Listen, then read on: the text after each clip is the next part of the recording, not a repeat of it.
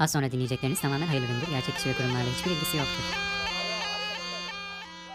Az önce sepetinin içinde uyuyordu. Bagacısının dürtüklemesiyle dikili verdi öfkeyle. Saldırı pozisyonunda kobra dansı başladı. Merhaba arkadaşlar ben Kobra 1. Ben Kobra 2. Gündemi zehirlemeye Hak edeni sokmaya geldik. hepiniz Kobra Kobra'nın yeni bölümüne hoş geldiniz. Kobra 1'cim hoş geldik. 2'cim. Nasılsın? İyiyim hayatım sen nasılsın? Yani kolum kırık. Kobra 1'e nazarlarınız değdi sevgili yavru kobralar. Kar mağduruyum. Buz mağduruyum. Bu yaşıma kadar hayatımda başıma gelmeyen şey bu yaşımdan sonra geldi. Gerçekten e, ibretlik bir olay. İbretlik ibretlik. Var mı yavru kobralarımıza bu konuyla ilgili verebileceğin bir tavsiye? Karda buzda yürürlerken dikkat etsinler. Gerçi ben de dikkat ettim ama dikkat etmene rağmen işte görünmez kaza oluyor mu oluyor. Sürprizlere açık olmakta fayda var diyorsun yani. evet evet hayat sürprizlerle dolu gerçekten. Geçmişler olsun diliyorum. Bütün yavru kobralarımız ve dinleyenlerimiz adına. Çok sağ ol canım. Aynı zamanda sosyal medya hesaplarımızı hatırlatalım. Twitter'ımız Cobra Pod, Instagram'ımız Cobra Cobra Podcast. Yazabilir, takip edebilirsiniz. Dinlenme oranlarımız muhteşem gidiyor. Bunu da söyleyelim. Kıskananlar çatlasın. Muhteşem ötesi. Ee, Boş Yapma Enstitüsü'nün en çok dinlenen programıyız.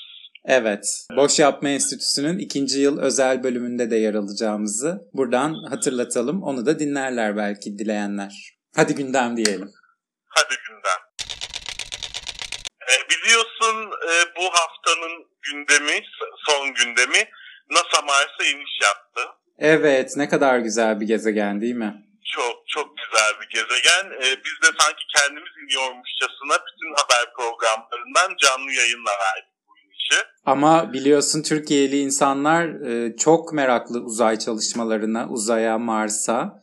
E, iki buçuk milyon Türk'ün adı yazıyor uzay gemisinde. Kimler acaba bunlar? E, bilmiyorum ama bir şey yapmışlardı ya, isminiz uzaya gitsin ister misiniz? NASA böyle bir kampanya yapmıştı. En çok ilgiyi Türkiye göstermiş. yani hayatım ben bak yurt dışında gezerken böyle bakıyorum tarihi yapılara falan hep üstüne Türklerin ismi yazıyor. Biz adımızı bir yerlere yazmak konusunda böyle bir alışkanlığımız var bizim. Ötesindeki harabeler olsun, bilmem neredeki katedral olsun yani dünyanın dört bir yanında önemli bütün eserlerin üstünde mutlaka bir Türk'ün adı yazıyor. Tabii ki uzay gemisine isim yazdırmak konusunda da en çok ilgiyi biz gösterecektik. Kim gösterecek yani? Ay muhteşemsin ya gerçekten. Gerçekten bak Almanya'nın en eski katedraline gittim ben. Çan kulesine çıktık. Çanın üstüne yazmışlar.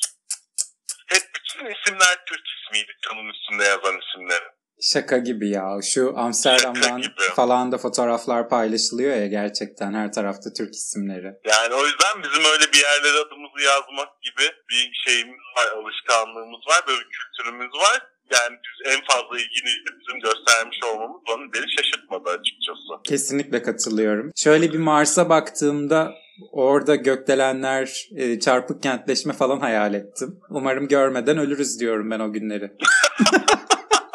Umarım, umarım. Ee, beyaz futbolda bu konu konuşulmuş. Tam yeri, tam yeri gerçekten. Tam Gerçekten, aynen. Ahmet Çakar diyor ki ısrarla üreme yapılacak mı orada? Yani Üreyecek miyiz? Üreyeceksek kadın göndermemiz lazım. diyor. Üzerinde dur. Yani Mars'a iniş yapmak ve uz- uzaya çıkmakla ilgili üzerinde durduğu ve düşündüğü tek konu bu. ama hayatım orası beyaz futbol ne olacaktı ki? Doğru. Yani Doğru. İnsan fikri neyse zikri de olur derler ya biraz öyle oldu sanki. kesinlikle. Ee, herhalde yer çekimsiz ortamda seks nasıl olur diye uzun süre düşünmüşlerdir diye düşünüyorum. Aa onu ben de merak ederim ama bak. Sen etmez misin? Şu an söyleyince ben de ettim. Ay, şöyle Mars'ta falan değil de belki bir ayda mayda hani merak ediyorum yani güzel olabilir. E yazıl, kuraya katıl sen de seni gönderirler belki. Yalnız gitmek istemem ama yanımda bir e, hatta belki bayanlardan bile isterim. Hayırlı uğurlu olsun dünyamıza diyelim. E, ismi yazılı 2,5 milyon vatandaşımız başımıza da aynı şekilde. Umarım muratlarına ermişlerdir. Umarım fiziki olarak da gitme imkanı bulurlar bir an evvel. Mars'a isim kazıyorlarmış. Taşa Adını toprağa. Marslara yazdım. ya. Taşa toprağa isim yazılıyor. Ay. Ulaştırma Bakanlığı'na gidelim istersen. Tabii ki. Ulaştırma Bakanlığı Devlet Hava Meydanları işletmesine sınavsız atanan 40 kişinin bilgilerini kişisel verilerin korunması kanununa aykırı olduğu gerekçesiyle paylaşmamış. Bak ne kadar kanunlara, nizama uyan bir devlet görüyorsun. Görüyorsun ki. Görüyorsun. Yani e, kişisel verileri korumak için bu 40 kişinin kimlerin yanında yandaşlık yaptığı e, kalifiyede oldukları anlaşılmasın, öğrenilmesin diye atanan bu isimlerin bütün verilerini koruma ihtiyacı duymuş sevgili Ulaştırma Bakanlığımız. Öncelikle bu 40 kişiye yeni görevlerinde hayırlı uğurlu olsun ve bol bol başarı dileyelim. Bol bol kazanç dileyelim başarıdan önce. Çünkü muhtemelen öncelik başarı değil. Kazanç doğru. Çünkü başarı olacak olsaydı belli bir liyakat olabilmesi bir sınavdı bir şeydi yapılırdı. Bir öncelik belli ki burada bu 40 kişinin para kazanması. Ama önceden e, biliyorsun ki göstermelik de olsa bazı mülakatlar yapılıyordu. Artık onlara da ihtiyaç duymuyoruz. Bence çok daha iyi bir gelişme bu. Hiç insanların vaktini çalmıyorlar boşuna. Aynen öyle, aynen öyle. Yani sınavda birinci, ikinci olup işe alınmayanlara bari bu umutsuzluğu, bu mutsuzluğu yaşatmıyorlar artık. Bence çok ince bir davranış. Bence de öyle. Keşke herkes bu kadar ince olabilse. Keşke herkes bu Yani kadar düşünceli insanlar- olsa. Aynen insanlar çünkü bu tarz sınavların sonucunda birinci, ilk ona giren insanlar, birinci, ikinci olmaya geç ilk ona giren insanlar, ilk 20'ye giren insanlar hep biz niye atanmadık, biz niye alınmadık diye kahroluyorlardı. Artık o insanlar da kahrolacak bir sebepleri kalmadı. Hiç sınav mınav yok artık yani. Bence çok güzel. Bence de çok güzel. Gerçekten kimi istiyorsanız onu alın. Hiç böyle sınavla mınavla insanları da meşgul etmeyin diye düşünüyorum. Aynen öyle. Boşuna umutlandırmayın kimseyi. Kesinlikle. Şimdi sınav falan demişken Galatasaray Üniversitesi hakkında çıkan bir skandal var biliyorsun ki.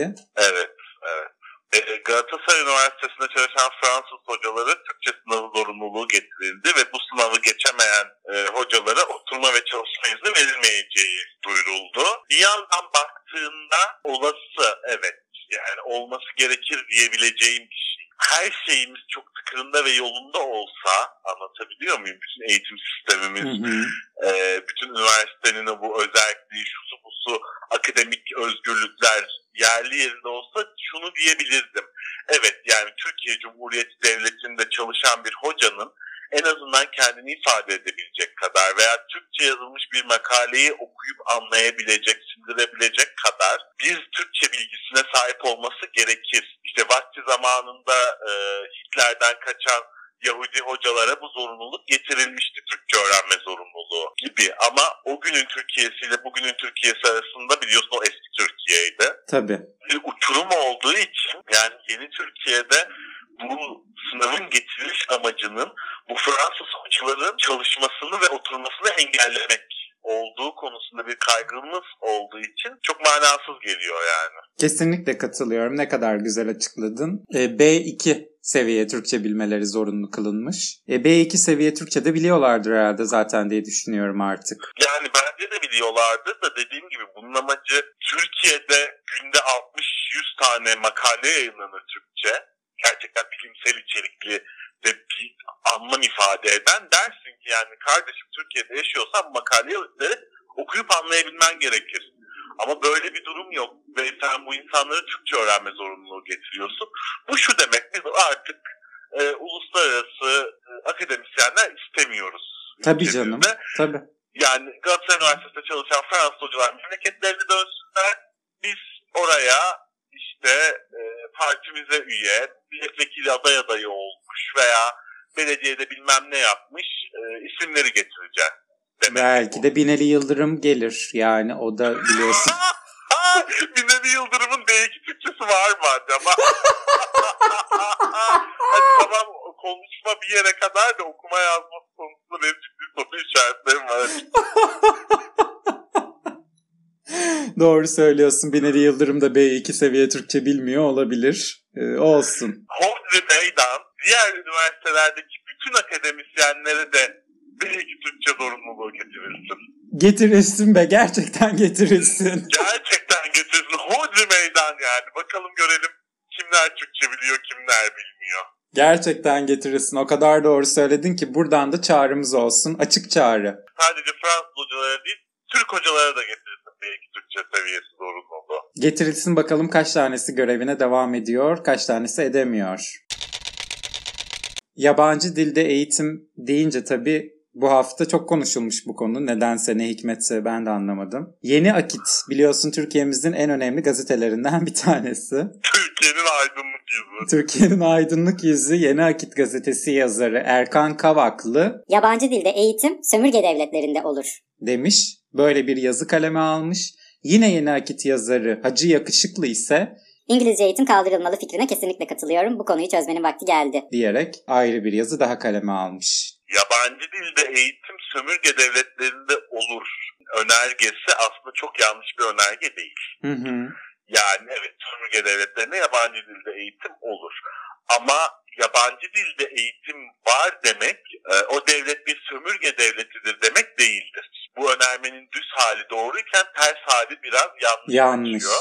Yani Aynen öyle. Türkçe bir dünya dili olmadığı için ne yazık ki İngilizce eğitim verilmesi kadar normal bir şey de gelmiyor bana dünyada da çalışabilecek insanlar ye- yetiştirmek için. Kaldı ki kaldı ki yalnızca Türkiye'de değil pek çok Avrupa ülkesinde yani ana dili İngilizce olmayan, Olmayan. pek çok Avrupa Hı hı. ülkesinde de İngilizce eğitim veriliyor.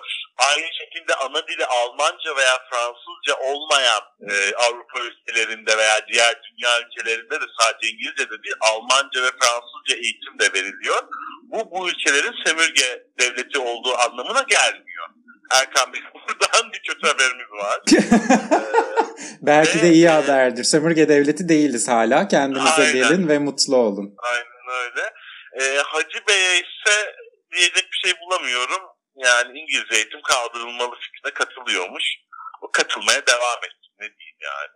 Ama bana yani böyle e, Birleşik Arap Emirlikleri'nde bile göremeyeceğimiz bir medeniyetsizlik gibi geliyor artık bu konuşmalar, bu düşünceler. Evet, evet. Ve bakış açısı şu genişlikte. Yabancı dil eşittir İngilizce. Tabii, Farkındasın değil mi? Yani tabii tabii. İngilizce eğitim kaldırılıyor. Fransızca, Almanca, İspanyol, İtalyan liseleri var falan. Bunlar İngilizce eğitim kaldırılsın. Yani, yabancı dil değil, sadece İngilizce akıllara gelmesi de Hacı Bey'in dünyaya ve dünya dillerine bakış açısını göz önüne seriyor diyebiliriz. Diyebiliriz. Yüzde yüz diyebiliriz. Yabancı dilde eğitim sömürgecilik anlamına geliyorsa Türkiye'deki ortaokulların yarısı İmam Ortaokulu ve bunların hepsinde Arapça eğitim veriliyor. O zaman Arap Arapça sömürgesiyizdir. Yani Arabistan sömürgesi miyiz biz yani? Bu mu? Bu mudur? Buradan bunu mu çıkarmamız gerekiyor? Yani belki de onu çıkarmamız gerekiyordur. Erkan Kavaklı'nın bu konuda da bir yazı yazmasını ben isterim açıkçası. Ona da buradan çağrımız olsun. O zengin dostumuzu küstürebilir öyle bir yazı. Oo, doğru söylüyorsun. Doğru söylüyorsun. Şu karşı yaylada göç katar katar biliyorsun. Yani. Öyle zengin dostlarımızı kü- küstürmeyelim. Bir aydınlık yüzlü yazarımızdan diğer e, aydınlık yüzlü yazarımıza geçelim bence diye düşünüyorum. Geçelim. Ahmet Hakan'dan bahsediyor olmalısın. evet. evet. Ahmet Hakan köşesinde Sevgililer Günü için bir yazı yazmış. Türkiye'den sevgililer günü için bir çift seçmek durumunda kalsam galiba arzum olan Mehmet Aslantuğ çiftini seçerim. Ama bu seçim bu çiftin feci sıkıcı bir çift olduğu gerçeğini zerre kadar değiştirmez. Yani Ahmet Hakan Bey bu şahıslarla acaba birebir vakit geçirmiş mi hiç? Nereden bu kadar emin? Bu kişilerin feci sıkıcı olduğunu nereden biliyor yani? Yani dışarıdan bakıldığında sağlıklı bir ilişki yürütmeleri sanırım sağlıklı ve entelektüel gelişimlerini tamamlamış bireyler olmaları onda sıkıcı hissi uyandırmış gibi gözüküyor. Türk aile yapısına uymayan, eşitlikçi, entelektüel seviyeleri tam, birbirlerine saygı duyan, aile içi şiddetin ve zorbalığın olmadığı bir ilişki herhalde sıkıcı olarak adlandırılıyor diyorsun. Kesinlikle ben böyle yorumluyorum Ahmet Bey'in bu yazısını açıkçası. Ben, ben de öyle yorumladım, haklısın. Kaldı ki Ahmet Bey'e yani hangi vasıfla hangi gazetede ne köşesi yazıyor? Bu yazı bir köşe yazısı mı? Yani oturup konuşsan konuşulacak o kadar çok şeyi var ki aslında. Yani bu yazı bir köşe yazısıysa acaba herhangi bir köşeye bırakılıp hiç bakılmaması gereken bir yazı mı? Ama ben şunu da altını çizmek istiyorum. İmam Hatip mezunu bir yazar olan Ahmet Hakan'a bir Hristiyan geleneği olan Aziz Valentin'in ölümünün anıldığı bugünle ilgili bir yazı kalemi almasını da hiç yakıştıramadım. Ben de hiç yakıştıramadım. Kendisi e, köşe yazmaya maalesef ki devam ediyor. bir farklı bir gün yine bir köşe yazısında Metin Akpınar ve Müjdat Gezen için dava açılmıştı biliyorsun ve mahkeme koridorlarında fotoğrafları çekildi. Araya birileri girsin, davalar çekilsin, bu iki insanı mahkeme koridorlarında görmeyelim artık.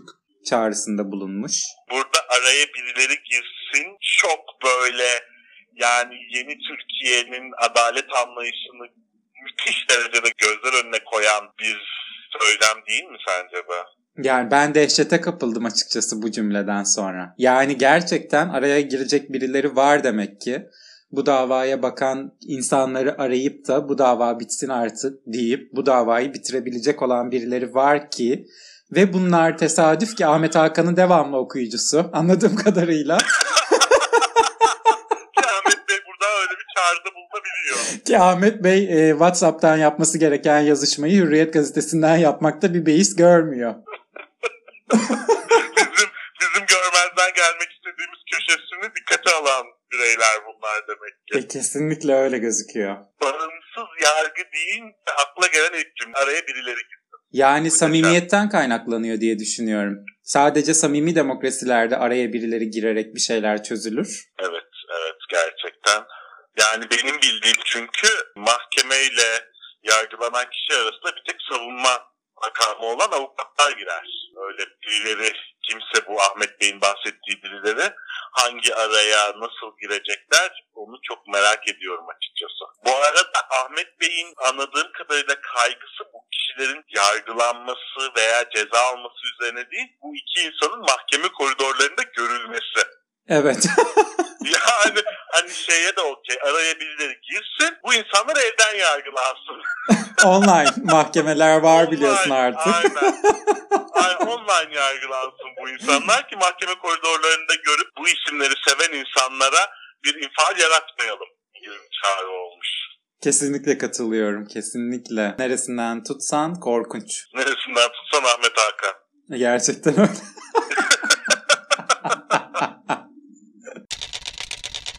Ay. Ay hadi biraz magazin.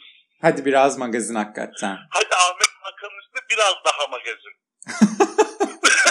yani çünkü Ahmet Bey'in bu iki yazısının iki konusu da magazinle alakalı şeyler bana kalırsa yani. Bana kalırsa da öyle. Bana kalırsa da öyle. Şimdi öncelikle bir geçmiş olsun dileğiyle başlayalım magazin turumuza. Sevgili Demet Akalın ve birlikte yaşadığı sevgilisi Okan Kurt koronavirüse yakalanmışlar.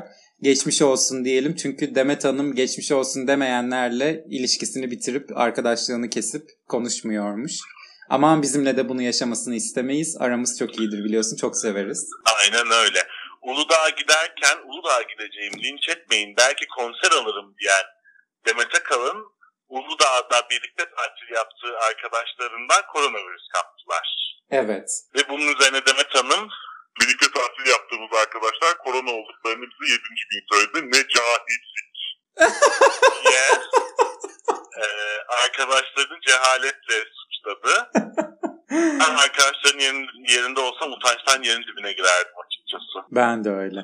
Yani Mehmet Akalın tarafından cehaletle itham edilmek herhalde insanın başına gelebilecek en kötü şeylerden birisi olsa gerek. Ve muhtemelen Türkiye Cumhuriyeti'nde çok az insanın başına gelecek bir şey. bir biliyorsun Milli Eğitim Bakanlığı'nı deneme konusunda cehaletle suçlamıştı Mehmet Hanım. Evet. işte bu konu iki oldu yani. Bak mesela Demet Hanım da B2 seviyesinde Türkçe bilmiyor. E, bir dili konuşmakla e, okuyup yazmak, anlamak, okuduğunu anlamak istediğini yazıya dökülmek arasında ciddi farklar var yani. Kesinlikle, kesinlikle. Tekrar geçmiş olsun diyoruz Demet Hanım'a. Umarım bari gittiğine değmiştir, istediği konseri alabilmiştir yani. Acil şifalar. Acil şifalar. Hem kendisine hem sevgilisi Okan Kurt'a. Ee, çok sevdiğimiz bir isme geçelim istiyorum şimdi. Seyfi Dursunoğlu. Evet.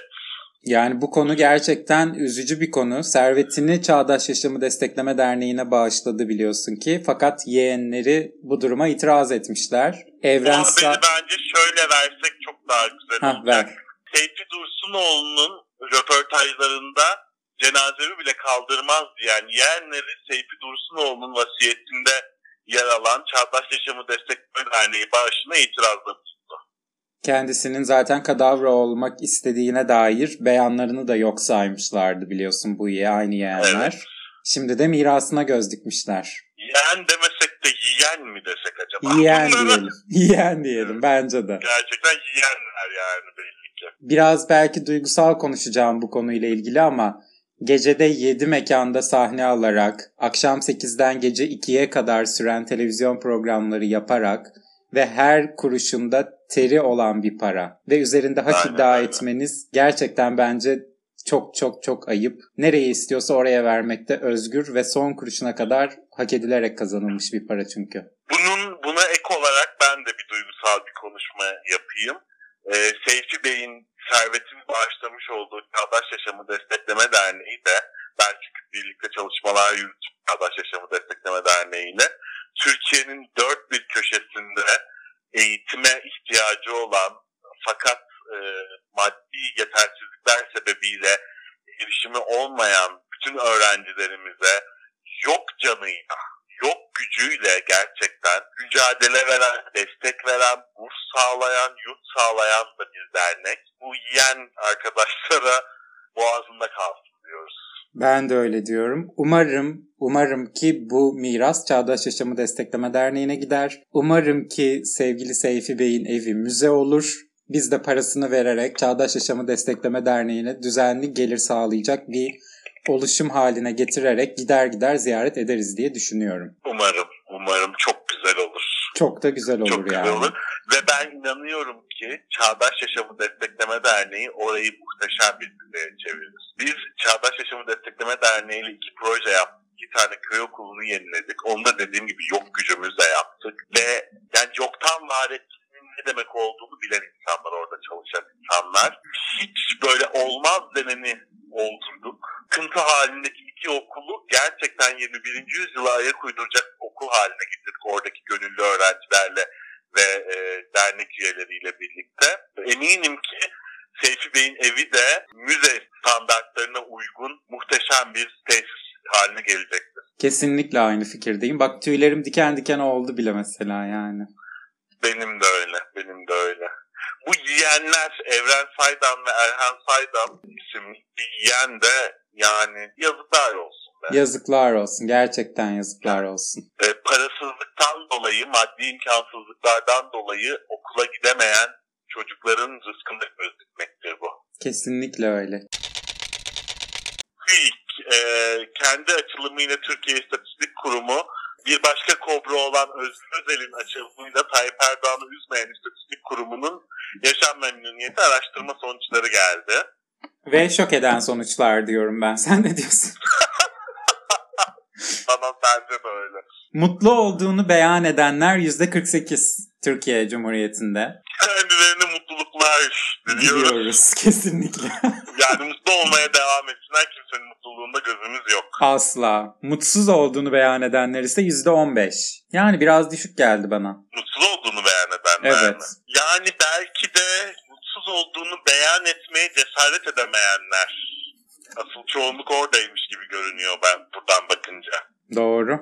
O da doğru. Evliler Yani daha mutluymuş. Evliler mutluyum diyen evliler %51 iken mutluyum diyen bekarlar %41. Yani ben buradan şunu anlıyorum. Evlilerin de %49'u mutlu değil.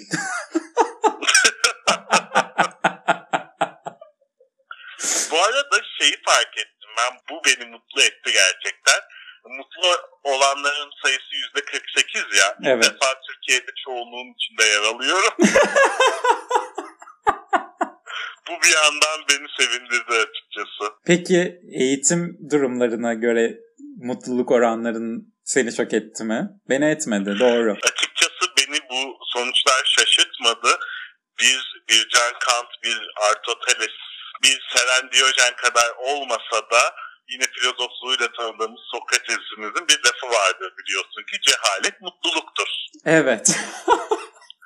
Ve TÜİK verileri de bunu doğrular seviyede. Okulu bitirmeyenlerin %54'ü mutlu, ilkokul mezunlarının ise %50'si mutlu olduğunu beyan etmişler. E bravo vallahi gerçekten dediğin gibi kimsenin mutluluğunda gözümüz yok bence. Evet, gerçekten öyle. En az mutlu olanlar da yüksekokul mezunlarıymış. Yani yüzlerce yıl sonra Sokrates'i tekrardan doğrulamış olduk diyoruz. Kesinlikle. Umarım ki e, sevgili Aristoteles'e de yüzlerce yıl sonra hak vermek durumunda kalmayız.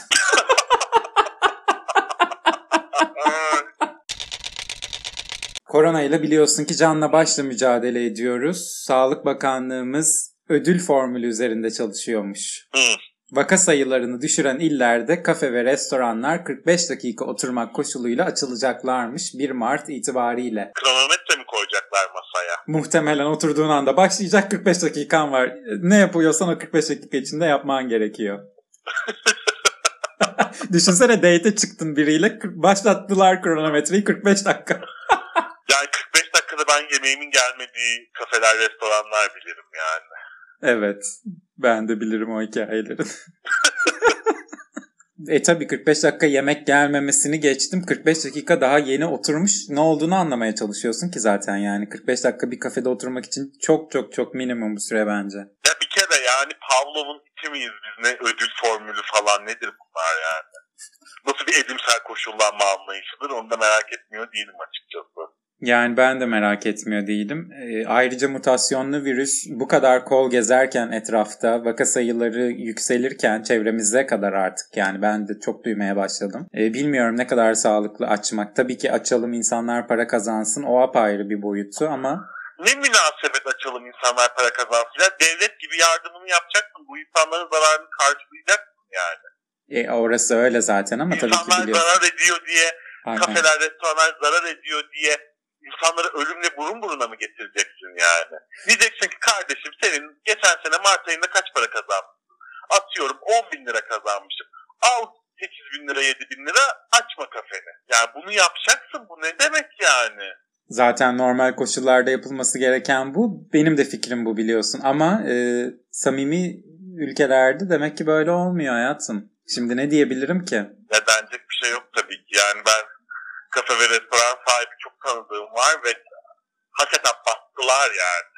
Evet. batmanın eşiğindeler falan demek haksızlık olur battılar. Yani bu başka bir açıklaması yok. Tabii ki durum çok üzücü ama bunun e, çözümü olarak insanları kafeye ve restorana göndermek değil yani çözümü. Bence de değil. Şu anki mevcut koşullara göre yaptım bu yorumumu. Yoksa tabii ki benim de fikrim seninle aynı. Yani herkesin parası ödenecek, o dükkandan açılmayacak, kimse sokağa çıkmayacak. Diğer dünya ülkelerinde bu iş nasıl yapılıyorsa burada da bu şekilde yapılmak zorunda. Onlar ama işte demokrasi. Biz ileri demokrasi, samimi demokrasi. E evet.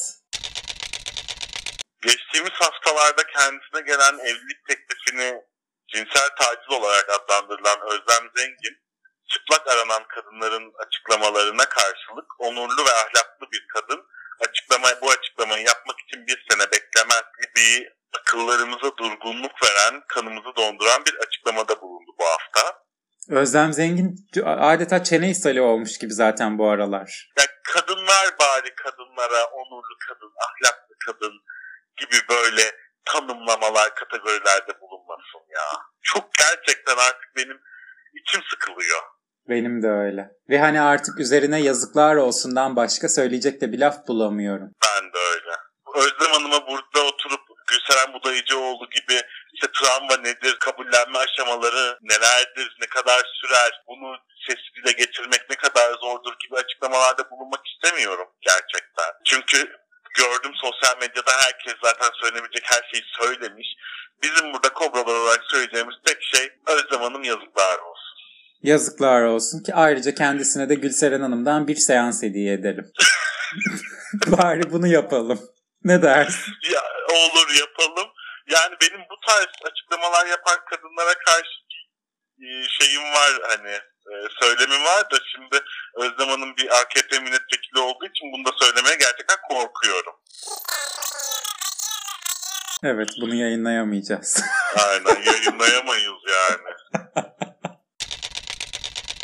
Şimdi istersen e, Özlem Zengin'i geride bırakalım. Hatta hayatımızdan çıkaralım istiyorum da ne mümkün. E, çok sevdiğimiz bir köşemize, Cumhurbaşkanı köşemize gelelim ve programımızı yavaş yavaş sonlandıralım istiyorum. Ne dersin? Hadi bakalım. O zaman buyur. Aynı anda mı buyursak?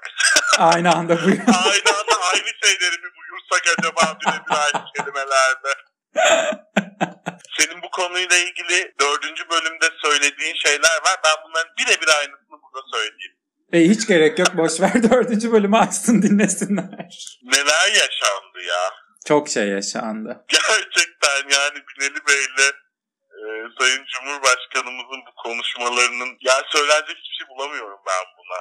Ben de bulamıyorum. Ama demek ki hala Türkiye'nin kanayan bir yarası ki 4 senede bir aynı cümlelerle tekrar tekrar dile getiriliyor. Aynen öyle. Öyle demek lazım diye düşünüyorum. Bence de. Evet gelelim Sayın Cumhurbaşkanımızın açıklamalarına. Bu hafta biliyorsun Cumhurbaşkanımızın Rize İl Kongresi'ndeki konuşmaları ve davranışları çok ciddi gündem oldu. Sahneye çıkışını Benim- gördün mü? Müthişti. Lafını böldüm ama yani bir Adeta süperstar. bir rockstar. Rockstar sahneye çıktı ya. Yemin ederim bu kadar heybetli olmayı, bu kadar muhteşem gözükmeyi nasıl başarabiliyor gerçekten anlamıyorum. Tebrik ederim. Tebrik edelim tabii ki canım. Böyle bir Cumhurbaşkanımız olduğu için kendimize gurur duyuyoruz. Ne kadar şanslı olduğumuzu dile getiremiyoruz. Buyur hayatım ne Aynen demiş öyle. bu kongrede? Ee, bu kongrede salgının olduğu bir dönemde kongre yapıyoruz ve Rize'de salon lebalep dolu diye koronavirüs partisini gerçekten böyle e, olumlayan bir tavır sergiledi Sayın Cumhurbaşkanımız. Evet. Ve bu mitingde biliyorsun e, atılacak sloganlar söylenecek Şarkılar. marşlar da tek tek kağıtlara yazılıp dağıtılmış. Onu da gördük. Evet bütün bulunduk. repertuar dağıtılmış herkes eşlik etsin diye. Şimdi ben bu konuyla ilgili bir şey daha yani bu konuyla bağlantılı bir şey daha söylemek istiyorum. Doktor Fahrettin Koca'nın Sağlık Bakanlığı'nın bir e, harita yayınladı. İllere göre haftalık vaka sayısı 100 bine oranla bir vaka sayısı hesaplaması yapılmış. E, çok lafını Ve- keserek ben de girmek istiyorum lafına. Gerçekten şu ilde şu kadar vaka vardı, şu kadar oldu demek yerine 100 bindeki vaka oranı bilmem ne gibi böyle saçma sapan rakamlarla, istatistiklerle açıklamak da bana gereksiz geliyor. Bunu da beyan edeyim buradan. Bu ilde 10 kişi hastaydı, şu an 20 kişi hasta. Bu ilde 5 kişi hastaydı, şu an 3 kişi hasta. Demek zor değil. Haklısın. Ama ben bu haritaya baktığımda e, şöyle bir çıkarımda bulundum. E, 7 bölgemiz hızla korona oluyordu ama birinciliği Karadeniz'e verdiler. Gerçekten en büyük oran e, bak bakıyorum burada Trabzon ardından Rize ısrarla onu takip ediyor. Ardından Ordu ve Giresun. Şöyle diyebilir miyiz? Cumhurbaşkanımız geçtiği her yerden arkasında bir korona bulutu bırakarak geçiyor. Çünkü kendisi daha önce Edirne'de ve Adana'da da benzer mitingler düzenledi ve oralarda da vakalar inanılmaz derecede arttı. salgının olduğu bir dönemde salonlar lebalep dolu olursa e, olacağı bu yani. Bunu 5 yaşındaki bir çocuğa da sorsan desen ki şu anda bir koronavirüs salgını var. E, biz 500 bin kişi bir salonda bir e, spor salonunda kapalı bir yerde ağız ağza toplanıp bağıra bağıra tükürüklerimizi saça saça slogan atacağız, marş söyleyeceğiz desen belki korona olur. Ama ben bu olayı şöyle yorumlamak istiyorum. Her şeyden öte kimse bu halkın Cumhurbaşkanımıza olan sevgisini sorgulamasın.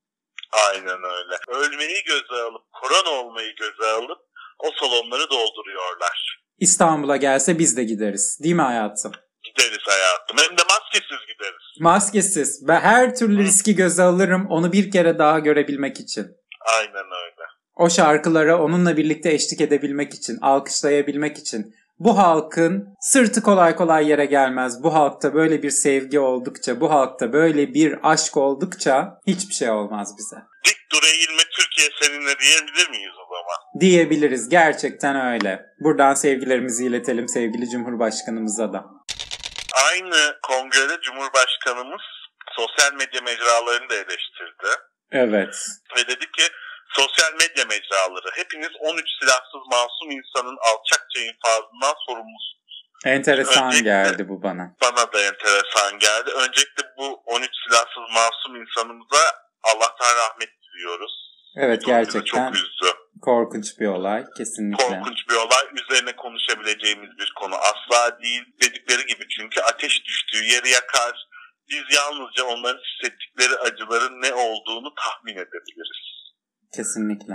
Kesinlikle öyle. Bunun suçunun sosyal medya mecralarının üstüne atılması da ben aradaki bağlantıyı kuramadım açıkçası. E, ben de kuramadım. Belki de e, kendisinin konuşmasını uzun uzun dinlemek gerekirdi ki aradaki bağlantıyı kurabilelim ama ben kendisini o kadar çok seviyorum. O kadar çok aşk doluyum ki ona karşı. İzledikçe ağlıyorum, izledikçe ağlıyorum. O yüzden minimum maruz kalmayı tercih ediyorum. ben de öyle izledikçe kriz geçiriyorum o yüzden ben de izleyemiyorum. Ben de öyle. Ee, evet.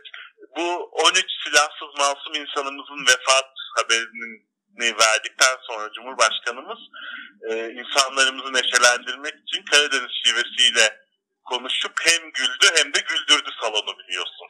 Evet alt bantta yani alt yazıda 13 şehit haberi dururken e, Karadeniz fıkralarıyla şiveleriyle güldük eğlendik. Aynen öyle. Ne kadar ince düşünceli bir cumhurbaşkanımız var görüyorsun. Halkının moralinin bozulmasını, üzülmesini, yas tutmasını, böyle negatif duygular içerisinde bulunmasına asla izin vermiyor. Ve e, halkını neşelendirmek için neler yapıyor. Kahkahalarla gülüyor ve güldürüyor. Sağ ol. Kesinlikle kesinlikle aslında böyle acı dolu günlerde olması gerektiği gibi davranıyor değil mi? Evet kesinlikle öyle. Yine Cumhurbaşkanımıza biliyorsun e, bir vatandaşımız açım diye seslenmişti. Açım, açım, açım dedi. Fakat bir gün sonra Allah benim ömrümden alsın onunkine versin dedi. Hanımefendiyi bu bir günde doyurdular herhalde. muhtemelen, muhtemelen. Umuyoruz ki hanımefendinin karnı doymuştur. Umuyoruz ki. Ama biz de hep deriz biliyorsun Allah bizim ömrümüzden alsın onunkine versin diye. Hanımefendiyi o kadar iyi anlıyoruz ki o yüzden. O kadar iyi yani. Aynen, aynen öyle. Ee, umarım aç oldukları için, işsiz kaldıkları için, çocuklarına evlerine ekmek götüremedikleri için intihar eden vatandaşlarımızın da e, kalan ömürleri Sayın Cumhurbaşkanımızın hanesine ömür olarak yazılmıştır. Vallahi bunun üzerine hiçbir şey söyleyemeyeceğim. Evet bu haftayı bitirelim o zaman. E, bu cümlenin üzerine zaten bu haftayı bitirelim. E, üzerine daha fazla söylenecek bir şey yok. Bütün e, herkes de adına ben üzgünüm. Ben de öyle. Ben de öyle. Yani böyle e, şu anda ekonomimizin ve Türkiye'nin geldiği durumu çok net gözlerine seren bir cümle kurdum. Kendime hayret ediyorum gerçekten. Evet. Haftaya umarız böyle haberleri görmediğimiz bir hafta geçiririz. Umarız. Haftaya umarım ki bu haftadan daha güzel bir hafta olur. Aynen öyle. Kendinize iyi bakın. Sizleri çok öpüyoruz. Herkesi çok seviyoruz. Haftaya görüşmek dileğiyle. Hoşçakalın. Görüşürüz. İşleri bitince sakinleşiyorlar. Sonra yeniden sepete. Neyse ki buna razılar. Aksi halde yılanların öcü durumu ortaya çıkardı.